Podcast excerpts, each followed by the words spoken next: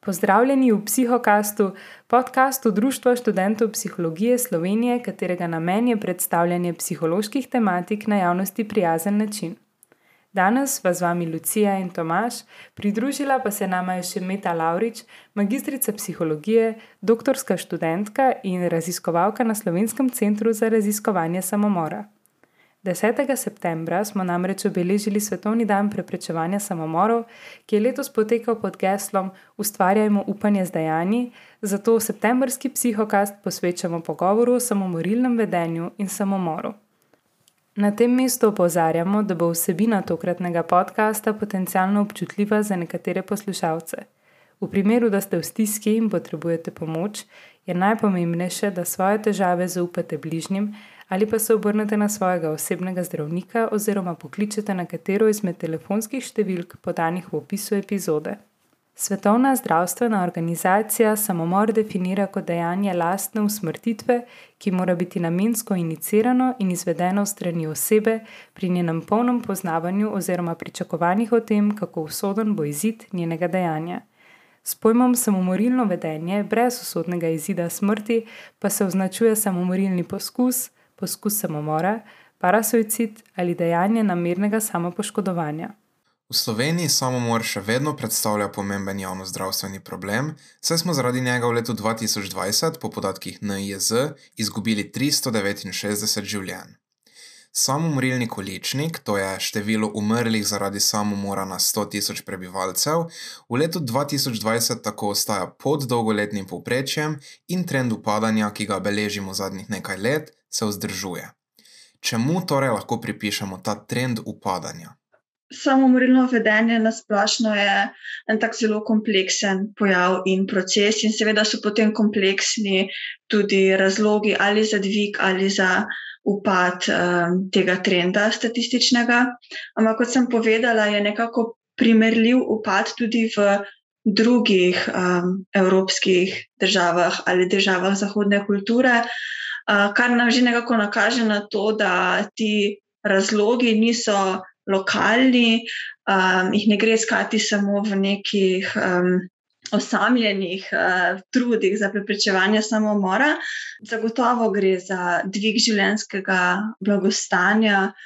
Uh, če gledamo nekje od 60-ih let, pa uh, do zdaj, gre za lažji dostop do uh, strokovne, psihološke ali psihiatrične pomoči, neko večjo ozaveščenost o samem duševnem zdravju, zmanjševanju stigme do duševnih motenj, do iskanja pomoči v primeru duševnih motenj, potem pa tudi za trude nekako za izboljšanje duševnega zdravja na drugih področjih, ki so močno povezana z. Področjem samomorilnega vedenja, naprimer v Sloveniji, je to področje odvisnosti od alkohola. Torej, s tem, ko nekako uh, spreminjamo zakonodajo, glede tega, kdo lahko dostopa do alkohola, ko so mogoče smernice bolj stroge, ko, ko je oglaševanje bolj omejeno, s tem se tudi vpliva na zniževanje tega količnika. Kakšne pa so statistike prejšnjega z epidemijo zaznamovanega leta? Smrti zaradi samomorov ni bilo več v letu 2020 kot v prejšnjih letih ni bilo nekega porasta, smo pa opazili um, v bistvu že tekom leta in um, tudi zdaj, da pa je nekako. Pri, uh, predvsem pri mladostnikih, več stisk uh, med tistimi, ki so že prej nekako bili bolj ranljivi. Torej, ki so že prej mogoče bili v kakšnih stiskah, imeli kakšno blažjo depresivno ali anksiozno simptomatiko, pri njih so se te stiske v bistvu poglobile. Po besedah sogovorke lahko v grobem posplošimo, da obstaja naraščajoč linearen odnos med starostjo posameznikov in številom smrti zaradi samomora. Vendar pa je pri samomorilnem vedenju nujno omeniti, da ne gre le za smrti, ampak tudi za poskuse samomora in pa samomorilne misli.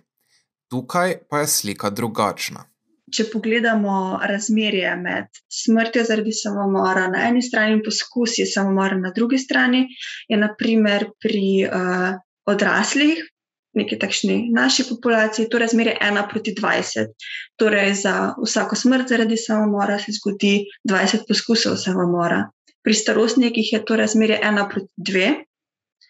uh, no, pri mladostnikih pa je to razmerje ena proti 200.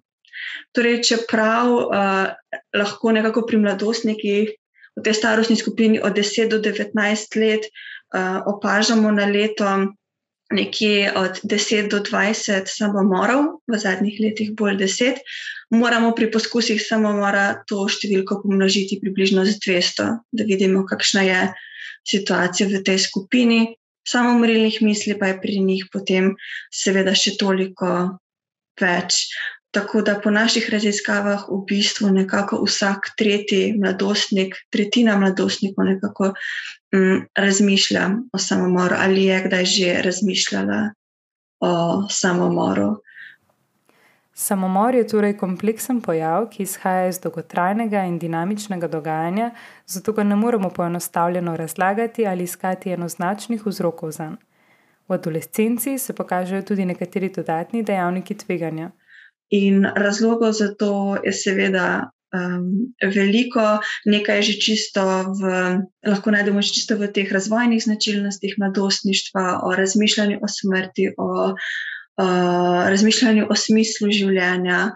Um, potem v vseh teh ovirah in izzivih, ki jih imajo v svojem obdobju, Um, in pa seveda ob, ob vsem tem, kar se jim dogaja, se še ne morejo toliko nekako kognitivno dobro soočati s svojimi stiskami in uh, težje nekako sami rešujejo vse stiske, v katerih se znajdejo. Zato je nekako nujno, da se jih prepozna in da jim je ponujena pomoč pravočasno, tudi preden bi nekako sami povedali, da so v stiski, ker pogosto tega niti nekako ne morejo prepoznati ali verbalizirati. Na inštitutu so prejšnje leto začeli izvajati nov projekt o vlogi sodobnih tehnologij in družbenih omrežij. Iz tega, kar so že ugotovili, raziskave namreč še vedno potekajo, in kar je že bilo dognano strani drugih raziskovalcev, je razvidno, da imajo nove tehnologije tako pozitiven kot negativen učinek po eni strani uh, omogočajo nekako večjo ozaveščenost o duševnem zdravju, omogočajo to, da uh, se najdejo posamezniki, ki imajo podobne stiske, ki um, nekako doživljajo v življenju podobne situacije in se povežejo in si nudijo socialno podporo, vsaj preko teh družbenih omrežij. Potem imamo te možnosti nekako nudenja strokovne podpore preko klepetalnic, naprimer to sem jaz in tudi Tom Telefon ima v bistvu klepetalnico za strokovno podporo. Lažje najdejo mladostniki, kam se sploh lahko obrnejo po pomoč na različnih spletnih platformah. Tako da to je en vidik. Uh, ta vidik informiranosti in ozaveščenosti, potem je pa tudi en uh, bolj ta negativen vidik, kjer pa um, je zagotovo, kjer lahko zagotovo opažamo tudi vse tiste negativne učinke slabega medijskega poročanja, ki jih tako poznamo, torej učinek posnemanja. Da, v bistvu se, uh, predvsem pri mladostnikih, ki so nekako zelo nagnjeni k tej primerjavi z vrstniki, pojavlja nekako več posnemanja samomorilnega vedenja, če se o tem poroča na napačen način, kar pa na družbenih omrežjih zagotovo se, torej med pogovori uh, med sabo in na različnih forumih se lahko najdejo kar. Um, Kar grozne informacije, no zelo podrobne, in tudi takšne, ki pa spodbujajo k samomorilnemu vedenju. Zelo pomembno je torej, na kakšen način mladostniki uporabljajo družbena omrežja. Glavni dejavniki načina uporabe so starost, namen in čas udejanjanja v spletnih okoljih, in ti odločajo, ali bo učinek uporabe pozitiven ali negativen. Ali obstaja razlika v številu samomorov med spoloma? Uh mhm. -huh. Ja, obstajajo zdaj um, v naši državi in v tudi večini drugih teh uh, zahodnih zahodnokulturnih držav so moški bolj ogroženi za smrt zaradi samomora. So pa ženske malo bolj ogrožene za poskus samomora, za samomorilne misli, kar je, za kar je razlog mogoče tudi v tem, da v našem kulturnem okolju nekako ženske lažje izražamo um, občutja žalosti, obupa, nemoči, lažje se obrnemo po strokovno pomoč. Ali tudi samo po pomoč ali podporo k prijateljem, svojcem, znancem, kot um, moški.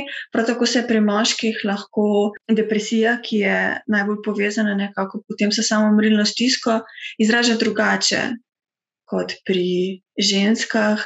To ni nujno, seveda so razlike med posamezniki, ampak nekako, če bi primerjali celotne skupine, moški pogosteje izražajo ta občutja depresije in samomorilne stiske na um, načine, ki niso tipično prepoznani kot duševna stiska, naprimer s povečanim tveganim vedenjem ali pa z večjim izražanjem jeze, z večjo razdražljivostjo, medtem pa, kot, kot, kot sem že rekla, je pri ženskah nekako pogostejše izražanje uh, samomorilne stiske, v bistvu preko teh tipičnih, najbolj prepoznavnih občutkov, žalosti, um, stiske, umika vase in tudi čisto besednega izražanja uh, svojih občutkov. Tako da to je nek razlog, um, eden izmed razlogov, zakaj so pri nas moški bolj ogroženi za smrt zaradi samomora. Drugi velik razlog pa je ta, ki sem ga že prej malo omenila, ki je v našem okolju zelo povezan s samomori, to je odvisnost od alkohola, ki je pri moških prav tako a, več kot pri ženskah in je tudi kasneje in teže nekako prepoznano. Pri nas je ta statistika kar nekako, kar velja že veliko let in se ne spreminja zelo, um, medtem ko lahko v drugih državah opazimo um, kar drugačne trende. Naprimer, v azijskih državah, nekaterih azijskih državah je samomor med ženskami dosti bolj pogost kot samomor med moškimi. Uh, tako da to definitivno ni neka univerzalna resnica, da bi lahko rekli, da pač pri moških pogosteje. Uh, prav tako pa vidimo spremembe m, pri mladostnikih in mladostnicah.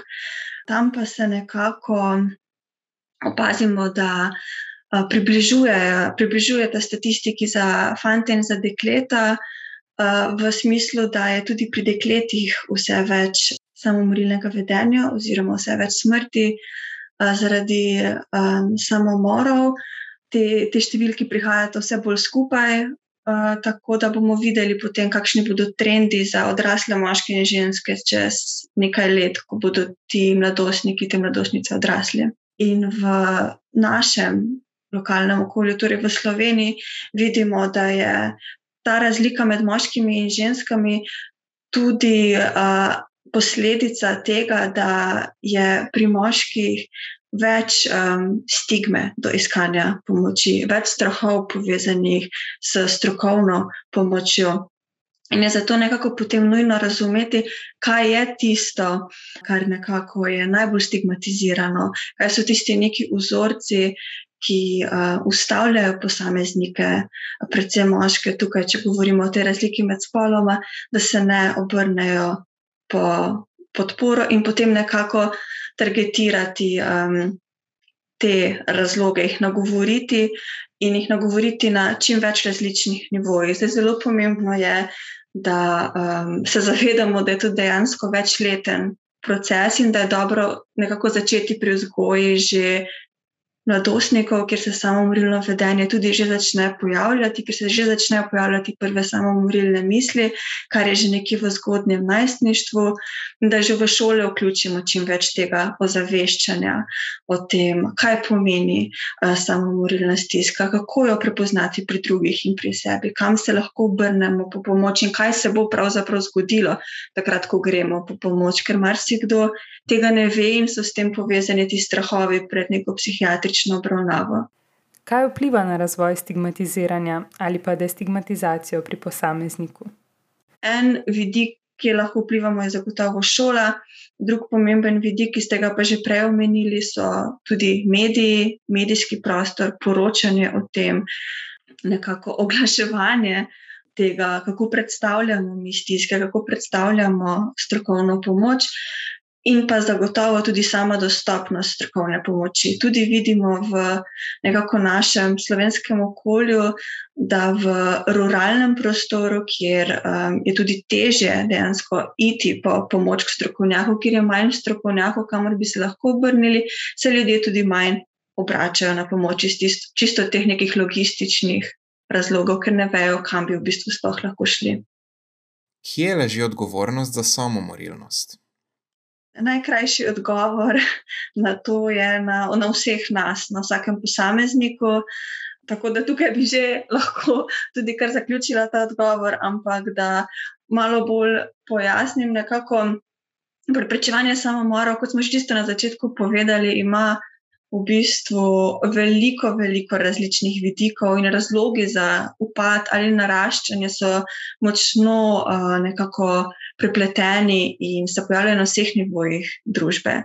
In zdaj na čisto tem najbolj osnovnem nivoju lahko res um, nekako vsak izmed nas pomaga tako pri neki preventivi, kot potem pri prepoznavi. Naprimer, že z nekim uh, širjenjem ozaveščenosti o duševnem zdravju, zmanjševanjem stigme preko tega, da mi se svojim vedenjem nekako izražamo to, da, da je ok iti po strokovno pomoč, da je tudi čisto ok, če smo kdaj v stiski in če potrebujemo podporo. In potem na drugi strani, da prepoznavamo tiste, ki so mogoče malo bolj renljivi, ki so mogoče malo bolj v stiski, to lahko najbolj prepoznavamo tisti, ki nekako živimo uh, s posamezniki, ki so v neki stiski. Nihče drug ne bo mogel prej prepoznati. Tudi strokovnjak, psiholog, psihiatr, zdravnik ne more na ulici ustaviti nekoga in reči: Gospa ali ne, razmišljate o samomoru, ker niti ne more nekako opazovati in prepoznavati tih vsakodnevnih pokazateljev stiske. Tako da z tega vidika je res a, odgovornost na vsakem izmed nas, vsak izmed nas lahko prepoznava stisko, lahko ponudi podporo nekomu v stiski. Potem, če gremo nekako na više nivoje, pa uh, kot sem tudi že povedala, se lahko ogromno naredi čisto um, na nivoju nekih um, večjih sistemskih in tudi zakonodajnih sprememb, kot smo že omenili, predvsem naprimer, pri alkoholu, pa potem uh, tudi pri medijskem uh, poročanju. Odgovornost torej ne leži le na posamezniku, ampak tudi na varovalnih dejavnikih, kot so šola, zdravstvo, mediji, socialne službe in vratari sistema, ki z združenimi močmi prispevajo k upadu količnika samomorilnosti skozi leta. Kdo pa so vratari sistema? E, vratari sistema um, so v bistvu predstavniki uh, poklicnih skupin, ki se pri svojem delu nekako zelo pogosto in neposredno srečujejo s posamezniki, ki so lahko v samomorilni stiski. In to niso ti um, strokovnjaki za duševno zdravje, to niso naprimer psihologi ali psihiatri, torej tisti, katerim se že obrnemo po pomoč, ampak so tisti, ki res so nekako v. Lahko bi rekli, prvih bojnih linijah preprečevanja samomora, torej ki so na terenu in ki lahko prepoznajo, da se s posamezniki nekaj dogaja. Za mladostnike so nekako najbolj um, obširna skupina vratarjev sistema, zagotovo šolski delavci, učitelji, ki so z otroki in z mladostniki vsak dan jih srečujejo, poznajo in lahko hitro prepoznajo, kaj se dogaja. Potem za odrasle osebe pa so to lahko pogosto, naprimer, policisti, so to lahko zdravstveni delavci, ki niso strokovnjaki za duševno zdravje, naprimer uh, medicinske sestre, tudi osebni zdravnik potem različne druge službe, ki pogosto prihajajo v stik s posamezniki, naprimer v sferi socialnega varstva, na centrih za socialno delo, in v bistvu še bi uh, lahko naštevali, ker je res potem odvisno od um, nekako. Posameznega okolja, naprimer v zaporih, so zagotovo največji vratarji sistema, pravosodni policisti, pa v kakšnih manjših lokalnih okoljih so to gasilci, če so zelo upeti v lokalno skupnost in tako naprej. Za vratarje sistema so pomembna izobraževanja, s katerimi se naučijo prepoznavanja duševnih stisk in pa ukrepanja ob njih.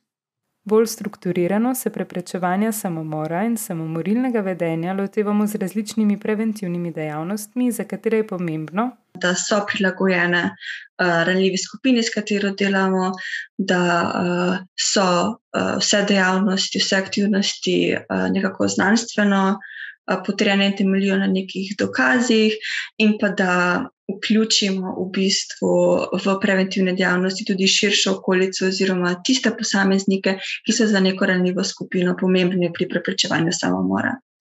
Eden izmed preventivnih projektov, ki se izvaja na področju Slovenije, je tudi Ase Štekaš. Gre se za preventivno-intervencijski projekt promocije in krepitve duševnega zdravja ter preprečevanja samomorilnega vedenja med mladostniki starimi 12 in 18 let. Ja, Asiš tekaš v bistvu poteka že od leta 2013. Kot sem povedala, temelji v bistvu na sklopu raziskav, v kateri je bil vključen tudi Slovenski center za raziskovanje samomora, teh uh, SEJLI raziskav, Saving and Empowering Young Lives in Europe. In v sklopu teh raziskav se je nekako um, raziskovalo, kateri so ti najpomembnejši dejavniki tveganja za mladostnike, kateri so najpomembnejši varovalni dejavniki, in tudi v bistvu, katere vrste intervencij so pri njih najbolj učinkovite za zmanjševanje samomorilnega vedenja. Zdaj, zakaj sploh je ta projekt nekako potreben in pomemben? Bil takrat in je še vedno, ker je samomorilno vedenje pri mladostnikih, kot smo uh, prej že nekako se dotaknili tega, kar, um, kar pogosto, če govorimo o samomorilnih mislih, če govorimo o, o poskusih samomora. Prav tako pa je tudi uh, nekako vidno, da če mi. Nekako povečujemo ozaveščenost o duševnem zdravju in iskanju pomoči v tej starostni skupini, se bodo ti učinki prenašali tudi v kasnejše starostne skupine. Torej, bo potem manj uh, samomorilnega vedenja pri teh posameznikih, tudi ko bodo odrasli, tudi ko bodo potem čez nekaj let mogoče v kakšni stiski in bodo te veščine, ki jih pridobijo v sklopu delavnic, lahko pomagale pri uh, zmanjševanju tega tveganja za samomorilno vedenje in pri nekem bolj uh, konstruktivnem reševanju stisk. Več o projektu si lahko poslušalci preberete na spletni strani Živ Živ. Povezavo najdete v opisu. Glavni cilj preventivnih dejavnosti ter tudi projekta A se štekaš je znižanje tveganja za samomorilno vedenje prek targetiranih aktivnosti, ki so podprte z znanstvenimi dognanji.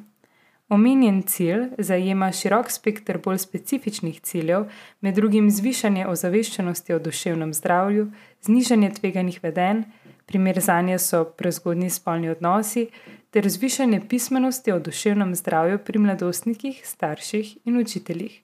Bi nam lahko razložili, kaj je pismenost o duševnem zdravju?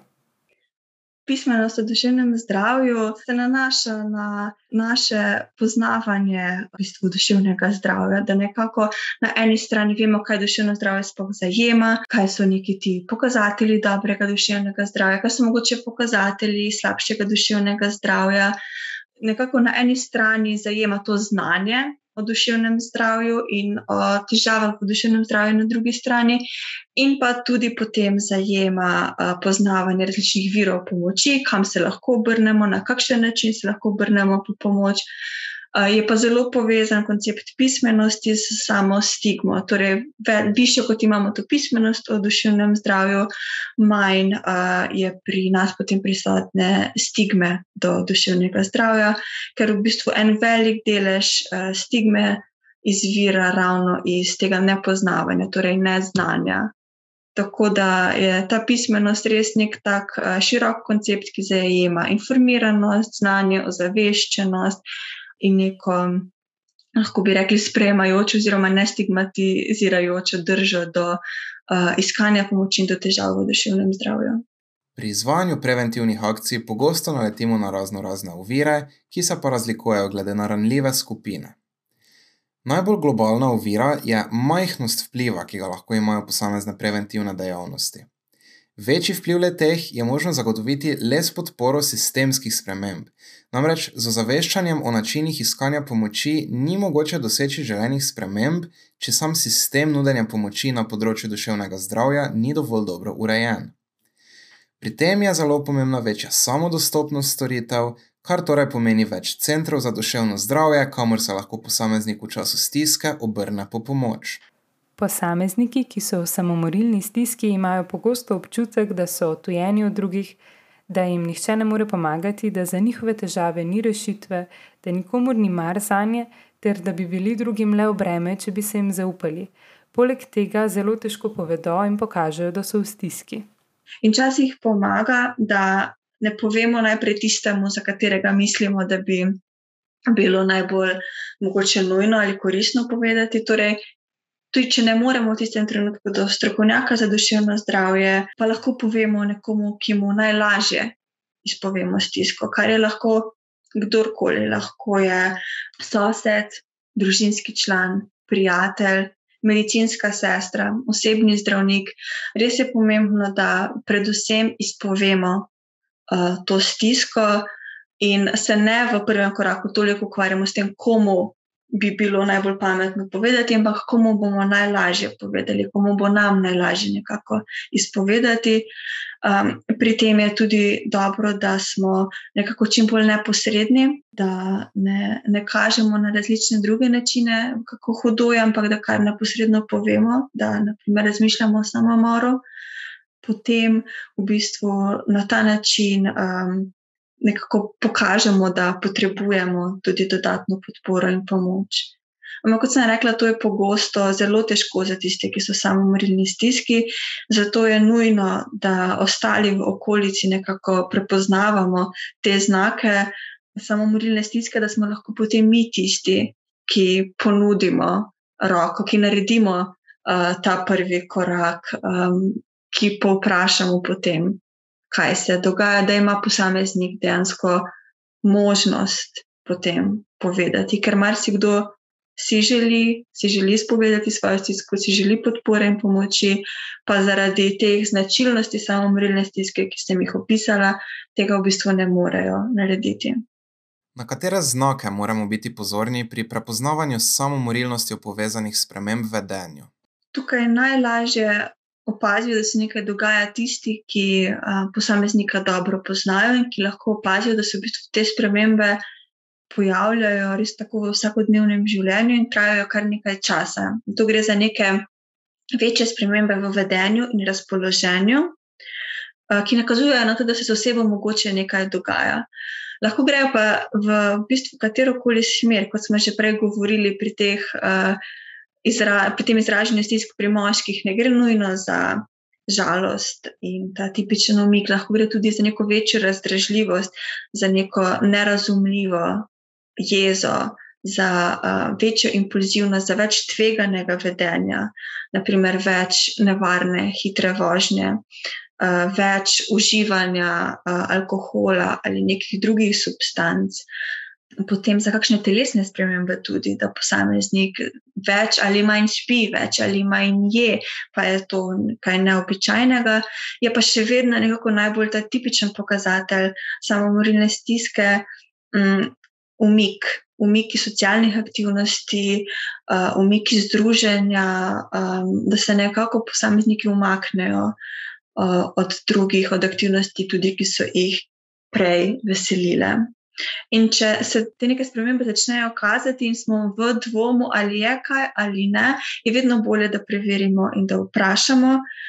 Neki čisto takšni, še bolj neposredni pokazatelji samomorilne stiske pa so, če začne oseba govoriti o, o, nekako, o svoji smrti, o načrtih za pogreb, da vidimo, da si mogoče pripravlja neko metodo, s katero bi lahko uh, naredila samomor. To so tisti še bolj neposredni pokazatelji. In še en pokazatelj, ki je kar tako nekako malo samoumeven, ampak vseeno pogosto spregledan, je to, če oseba kar verbalno izraža, da razmišlja o smrti ali samomoru. Tukaj velja en en mit v našem okolju, ki seveda ni resničen, da pes, ki laja, ne grize. Torej, da tisti, ki govorijo, da bodo naredili samomor, ga nikoli res ne naredijo. Ta mit ni resničen, je ravno v bistvu nasprotno. Tisti, ki govorijo o tem, da razmišljajo o lastni smrti, da razmišljajo o samomoru, pogosteje potem tudi poskušajo umreti zaradi samomora. Tako da moramo biti tudi zelo pozorni na to vrstne izjave, kot so vsem bi bilo bolje, če me ne bi bilo, ne vidim več rešitve, nima več smisla, da živim, ali pa kar neposredno ubil se bom, naredila bom samomor. Takšne izjave pogosto spregledamo, um, na njih ne reagiramo, ampak vedno pri vseh teh znakih, ki sem jih naštela, je bolje, da preverimo čisto neposredno, kaj se dogaja, kot pa da si mislimo, ah, saj nič ni, to, kar tako reče, ali pa manipulira, ali pa hoče samo kaj doseči. Tako da vedno je potrebno preveriti. Kako lahko ločimo med šalo in klicem na pomoč? To je zelo dobro vprašanje, ker točno to vprašanje se zelo pogosto pojavlja na šolah, ko imamo predavanja za učitelje in tudi za starše. In um, se pogosto pojavi to vprašanje, da ja, pač pogosto govorijo mladostniki, ja, če se to pa to ne zgodi, se bom pa kar ubil in podobne izjave. In vemo, da se ljudi med sabo tako pogovarjajo. Zdaj bi lahko rekli nekako, um, čisto iz tega, kar sem zdaj opisala kot znake, da smo lahko pozorni na to, kaj se še v poleg te izjave dogaja z mladostnikom. Če vidimo poleg te izjave še neke spremembe v vedenju in razpoloženju, potem moramo biti toliko bolj pozorni. Ampak pri, specifično pri mladostnikih je to zelo težko, ker spremembe v vedenju in razpoloženju so pri vseh, ker so pač mladostniki in je to del razvojnih nalog, del razvojnega obdobja. In potem je res vprašanje, okay, kako pa naj zdaj mi ločimo med tistimi, ki so res v stiski in tistimi, ki niso. In je to pač način izražanja, ki se pojavlja tudi v mladostništvu in niso v bistvu resno mislili. In odgovor je, da realno ne moremo ločiti. Mi ne moremo vedeti, kaj je zdaj bilo s tem mišljeno, ne moremo vedeti, če je res v stiski ali ne. Kot sem rekla, stiska se ne izraža vedno s tem tipičnim umikom in žalostjo, ampak se lahko izraža tudi z nekim pozunanjanjem um, stiske, torej da so bolj nekako. Uh, glasni in agresivni, in bolj izražajo jezo, pa tega ne prepoznamo kot stisko.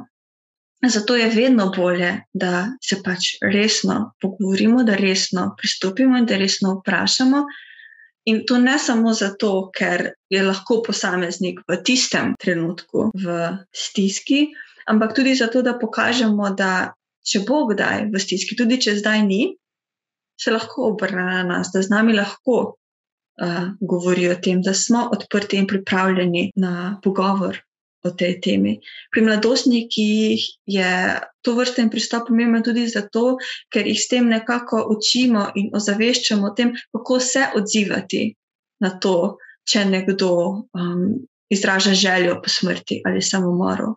Da uh, jih nekako s svojim zgledom učimo, kako naj oni pristopijo, če bo kdo od njihovih prijateljev ali sošolcev, da je na takšen način um, izražal svoje počutje. Tako da je v vsakem primeru zagotovo boljše, da pristopimo, kot pa da zamahnemo z roko in rečemo, ah, se nič ni, ker po eni strani ja, lahko je stiska, in tudi če ni stiske, kaj s tem v bistvu naučimo mladostnike, da se na takšne izjave lahko požvižgamo, da jih lahko ignoriramo, kar pa zagotovo ni res. Na kaj moramo biti pozorni pri komunikaciji z ranljivimi osebami? Kaj reči in česa ne.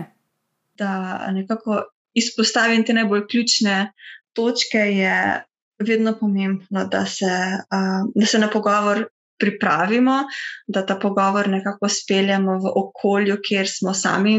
S posameznikom, kjer imamo mir in neko zasebnost, da ne naredimo tega tako mimo grede, na, naprimer na avtobusu, pa ima še posameznik tri minute do tega, da gre na naslednji postaji dol, ker s tem nekako zapremo možnost, da bi res kaj povedal. In pa da se tudi pripravimo tako sami pri sebi, da uh, se pripravimo na to, da je možnost, da nam bo oseba v tem pogovoru zaupala samo morilne misli, kako bomo na to reagirali, kaj bomo ob tem občutili. Pomembno je, da se na to pripravimo, da potem v naslednjih korakih ne izražamo tistega presenečenja ali šoka, s čimer lahko posameznika odvrnemo od tega, da bi nam še naprej um, govoril o svoji stiski. In potem, ko začnemo ta pogovor, je um, zelo pomembno, da to vprašanje o samomorilni stiski postavimo čim bolj neposredno, čim bolj direktno, da je res jasno, o čem sprašujemo. Torej, da ne vprašamo, kako pa si kaj, ker vemo, da v našem okolju vprašanje, kako si, implicira, da v bistvu te ne zanima res, kako je, ampak je to tako kot zdravo in adijo, neka čisto takšna pogovorna fraza. Torej, pomembno, da če le lahko, kar izrečemo besedo samomor. Torej, da povemo, primer, kaj opažamo zadnji, v zadnjem času pri posamezniku, in potem, kar vprašamo, ali razmišljaš o samomoru. In če ne moremo izreči besede samomor, ker marsikdo je ne more potem v tistem trenutku in je to čisto ok in razumljivo. Lahko vprašamo tudi malo na okolje, ampak še vedno tako, da, da je jasno, kaj sprašujemo. Torej, je tako hudo, da, da si želiš umreti. Še vedno zelo jasno, ampak ne upravimo besede samomor. Je pa res pomembno, da postavimo tudi vprašanje v sedajniku in da smo konkretni in jasni, zato da um, ima posameznik res možnost potem povedati, kaj se dogaja. Da ne razmišlja o tem, ali me zdaj res sprašuje o tem, ali me sprašuje kaj drugega, ampak da pač jasno pokažemo tudi, da smo čisto pripravljeni govoriti o tem, da to za nas ni tabu tema. In potem, če nam izpove samo morilno stisko, je zelo pomembno, da se odzovemo nekako podporno, Torej, ko ste vprašali, kaj je tisto, kar, kar nekako ne smemo, če se ne smemo uh, narediti, je ta odziv um, presenečenja, uh, tiste neke negativne šokiranosti, pa meni, da ja, ti ne bi, ti si pa takšna pametna punca, meni, da si pa res ne bi ničesar takšnega naredila. Kakšne take podobne izjave lahko v bistvu odvrnejo posameznika od tega, da bi nam res povedal, kaj se dogaja. Ali pa da postavimo vprašanje na način, da v bistvu že zapremo možnost, da bi nam uh, oseba res povedala. Naprimer, saj, saj ti si pa ne bi nič naredila, a ne. S takšnim vprašanjem bomo težko dobili nek iskren in odprt odgovor. Tako da je pomembno, da, da se res sami pri sebi pripravimo na to, da lahko slišimo, da ja, razmišljamo o samomoru da se sami pri sebi pripravimo na to, da nismo šokirani, da nismo negativno nekako presenečeni, oziroma da tega ne kažemo na sven, da nismo pokroviteljski, da ne zmanjšujemo teže stiske pri posamezniku. In potem v naslednjih korakih um, je predvsem pomembno, da tukaj zdaj ne dajemo na svetov, s tem ponovno nekako minimaliziramo stisko posameznika, da ne iščemo mi rešitev, ampak enostavno pustimo osebi, da nam pove, kaj se dogaja. In da tudi s svojimi vprašanji enostavno spodbujamo k temu, da lahko vprašamo, kaj pa je tako hudo, da razmišljaš o samomoru, kaj so tisti razlogi, zakaj si želiš umreti. In da samo pustimo, da govori o tem, brez kakršnega koli obsojanja, brez kakršnega koli presenečenja, in potem osebo spodbudimo nekako k temu, da sama najde ali rešitve, ali neke pozitivne plati življenja, ali razloge za življenje. Da vprašamo, kaj pa kljub vsemu, kljub vsemu slabemu, kar se dogaja, kljub vsemu groznemu, kar doživljaš, kaj je tisto, zaradi česar pa mogoče vredno preživeti še naslednji dan, do jutri ali do naslednjega tedna. Kaj so neki tisti pozitivni vidiki tvojega življenja, kaj je kljub vsemu groznemu, mogoče ok. In jih tukaj samo spodbujamo, da najdejo um, neke uh, pozitivne vidike, neke razloge za življenje. Na koncu pogovora pa je vsekakor pomembno, da res izrazimo, da smo tukaj za podporo, um, da poskušamo jih usmeriti k temu, da bi še komu povedali za svojo stisko, da nekako širijo ta krok podpore in da če je potrebno, da jih nekako napotimo po strokovno pomoč, da jih napotimo uh, k strokovnjakom.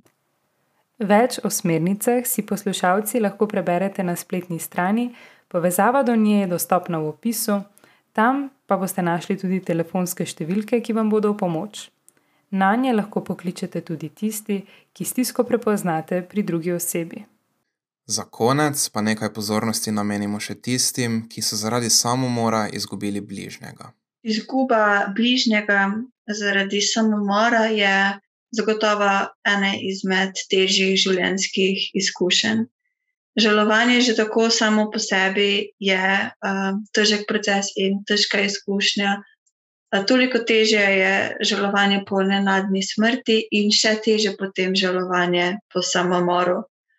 Pri tistih, ki izgubijo bližnjega zaradi samomora, se poleg um, tega nekega tipičnega procesa žalovanja, ki je že tako težek za vsakega izmed nas, dodatno pojavljajo še neki občutki krivde, um, nerazumevanja, uh, jeze, do pokojnika in zaradi te jeze potem ponovno lahko spet krivda, občutimo krivi, ker smo jezni na nekoga, ker na pokojnike naj ne bi bili.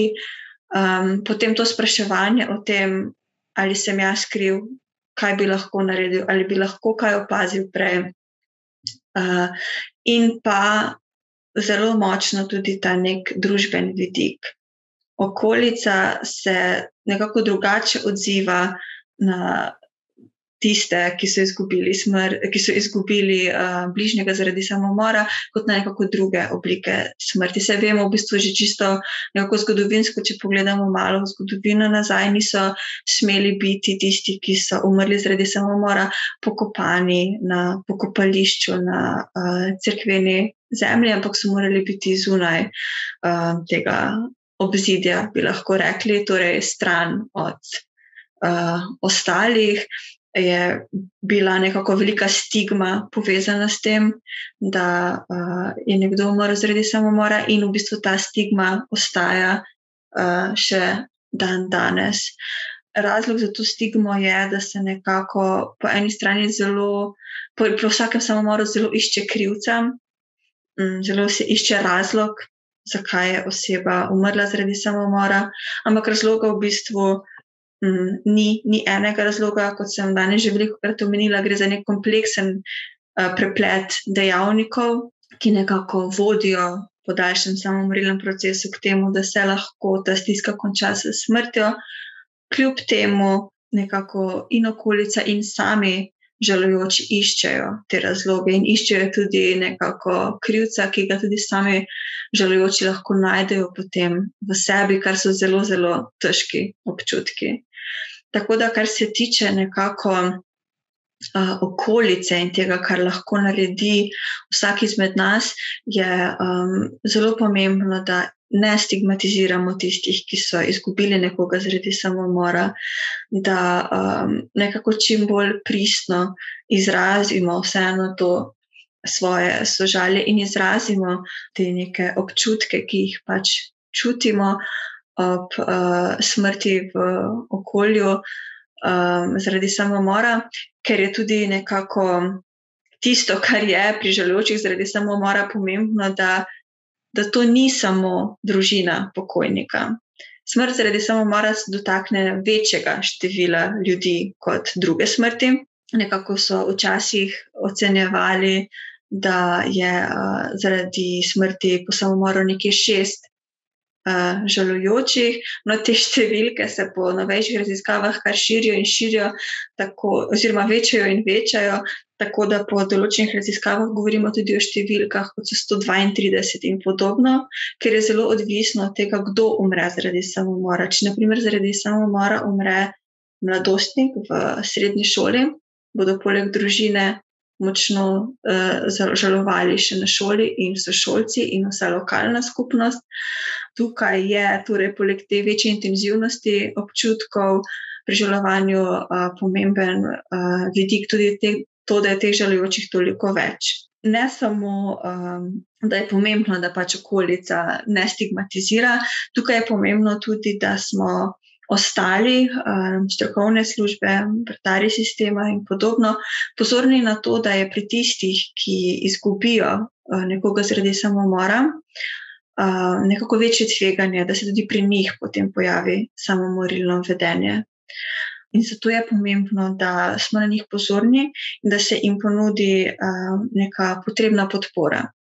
Naprimer, um, tudi v sklopu tega projekta Asištekaš, ki ga izvajamo, delamo tudi v bistvu postvencijske aktivnosti za sošolce in za šole, kar pomeni, da če pride do samomora na neki šoli, v nekem razredu, da gremo potem v tisti razred in se z uh, sošolci in z drugimi prijatelji pokojnega mladostnika pogovorimo o tem, kar se je zgodilo, da jim pomagamo, da izrazijo svoje čustva, da izrazijo v bistvu vse, kar doživljajo, in da poskušamo v bistvu potem um, tudi pri njih zmanjšati to tveganje, da bi se pa zdaj pri zaradi tega samomora v njihovi bližini tudi pri njih pojavilo samomorilno vedenje. In to je nekako pomembno, da ima vsak od nas tudi v mislih, če se ki v naši okolici um, zgodi to, da poznamo koga, ki je izgubil bližnjega. Zaradi samomora. Torej, ne samo, da ne stigmatiziramo, ampak poskušamo tudi nekako biti pozorni na tega posameznika in ponuditi podporo. In to ne samo v času pogreba, ampak zelo pomembno tudi kasneje, torej, da ne ostanejo potem sami z vsem tem dogajanjem, mesec po smrti ali dva meseca po smrti, um, ko se nekako vsi umaknejo, oni pa so sami s svojimi temi občutki krivde in razmišljanji, da, se, da jim ponudimo podporo in da se odkrito pogovarjamo z njimi o tem, kaj doživljajo in da teh čustev in občutkov niti malo ne obsojamo. S tem smo prišli do konca današnje epizode. Hvala gosti imeti Lauric za pogovor in podane informacije, in hvala vsem, ki ste nam danes prisluhnili. Še enkrat se spomnimo na naslov tokratnega psihokasta, ki je tudi slogan Svetovnega dne preprečevanja samomorov: Ustvarjajmo upanje z dejanji in ne pozabimo, da lahko naše dejanja, ne glede na to, kako majhna ali velika so, pri nekom, ki se spopada s stisko, obudijo upanje.